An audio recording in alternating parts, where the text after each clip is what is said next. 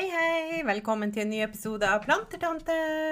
Som dere kanskje hører, så er jeg alene i dag. Og det er fordi at min medplantertante er blitt, dessverre blitt syk. Sånn at jeg blir å spille inn en liten eh, annerledes episode for dere som eh, kommer ut denne uka. Og så tar vi den episoden som egentlig skulle komme ut denne uka, og spiller inn til uke, når forhåpentligvis eh, Ogrelene føler seg bedre. Så tenk at denne episoden blir nok eh, ikke like lang, men jeg skal nå ha et, et, tema som er påskerelatert, og forhåpentligvis så blir det nå hyggelig lytting, selv om Ogrelene ikke er her, og håper virkelig at hun er tilbake sterkere neste uke. Eh, vi har jo hatt eh, en påskekrimgåte gående.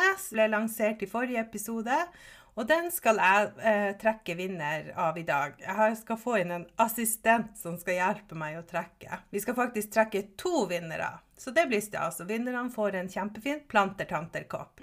Jeg kan jo fortelle litt om eh, hva denne krimgåten gikk ut på. Og det var jo eh, eh, slik at vi hadde Plantertanters detektivbyrå, og vi ble tilkalt til en, et drap der en dame var drept i hjemmet sitt mens hun holdt på å lage en seitansteik. Eh, vi møtte en nabo som eh, var godt kjent med hunden til eh, familien som bodde der, og etter hvert så kom også ektemann ektemannen til denne dama hjem. Og det er flere som har eh, gjetta riktig at det var ektemannen som var morderen i denne gåta. Og det var fordi at han visste at hun var slått i hjel og ikke skutt med revolveren. Så eh, da skal vi få inn eh, assistenten, tenker jeg, som skal være med og hjelpe å trekke en vinner eller to.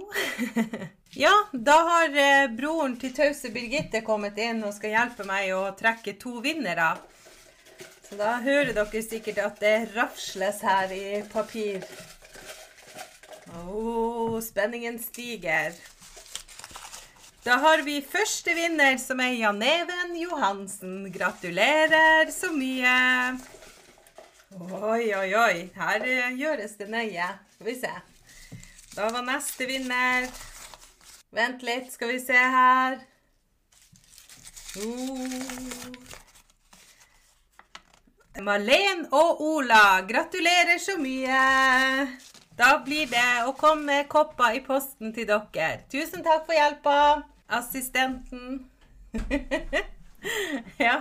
Og jeg håper vinnerne blir fornøyd med hver sin eh, kopp. Det blir eh, noen som har spilt eh, i lag om Alene og Ola, så de får dele koppen. Men det tror jeg forhåpentligvis går bra. Ja, da var vinnerne trukket, og jeg håper de blir fornøyd med koppene. Jeg skal nå, eh, som nevnt, eller kanskje ikke nevnt, eh, ha eh, en liten episode om påskeharen. Fordi at som, som sagt, i og med at Grylene er syk, så tar jeg ikke det temaet vi hadde tenkt å ta. Det tenker jeg vi burde ta sammen. Så da skal jeg bare ha en kort, liten snutt om påskeharen og opphavet til hvem denne påskeharen er som kommer med egg i påska. Eh, og jeg regner med at alle kjenner til at det er påskeharen som kommer med påskeegget, selv om det høres litt sånn spesielt ut at en hare skal legge egg.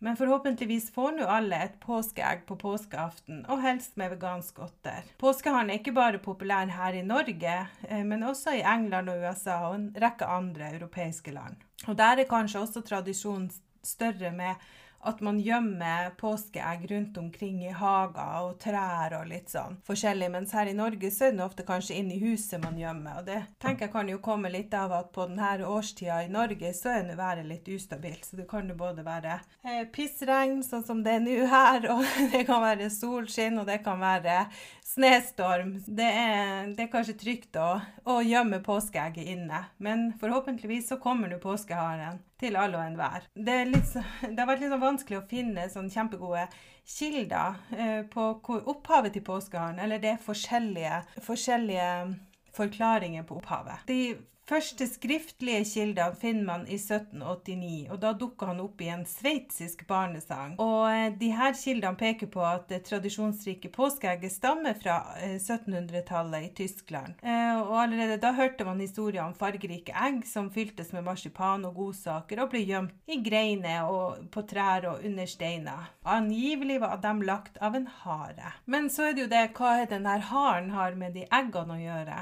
Noen mener at han, det kan ha en sammenheng med den gamle fortellinga om melkeharen som tusser og troll sendte ut for å melke kyrne i påske. Og det var i denne tida at folk trengte denne feite melka fra kyrne mye mer etter fasten. Og da kom trollene og tussene og stjelte den, eller melkeharen var sendt ut av dem for å stjele den melka. Men haren er også et symbol på fruktbarhet. Og når fuglene legger egg på våren og haren føder unger, så blir det et symbol på livet som våkner etter vinterdvalen. En annen forklaring er at det etymologiske opphavet til Easter kommer fra gudinna Ostara eller Eostre, og hun ble dyrka som vårgudinna og ble symbol symbolisert med hare og egg. Og hun eh, regjerer over fornyelse, fruktbarhet, ungdommelighet, lek og vekst. Hun personifiserer våren og naturens livskraft. Hun er også gudinna for soloppgang, og noen av hennes symboler er påskelilje, lam, kaniner og egg. Hun her ble sett på som en sterk kvinne og kriger, og hun er ofte avbilda med kogger og piler, og andre ganger med hodet til en løvinne og vinger til en stor fugl og horn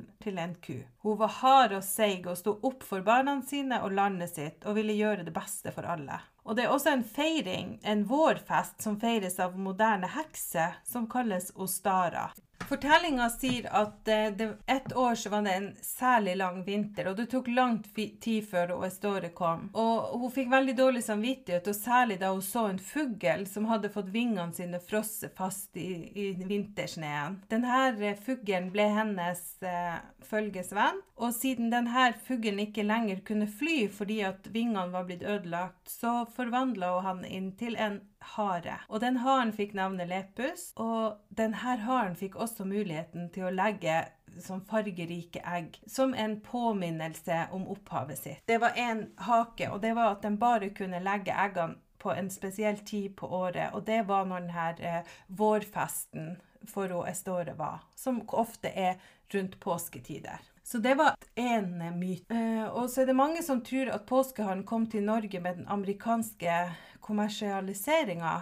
Men det vitnes om at denne påskeharen var kjent i, i Norge allerede sent på 1800-tallet. Og Da fortelles det om en trondhjemskvinne som var født i 1877, og som skrev i sine memoarer. I påsken fikk vi leke med store pappmasjé-påskeharer Naturfarger og med glassøyne, sittende på bakbeina med en fletta kurv på ryggen. De her sto ellers i året i bokskapet. Mor farga alltid eggene og gjemte dem i stua for oss. Vi trodde blindt på, på, på påskeharen, og at det var den som kom med eggene. Så det viser jo at denne tradisjonen har vært en stund i Norge. Så det var nå litt om påskeharen, og eh, hvorfor påskeharen eh, kommer med påskeeggene til oss i påska.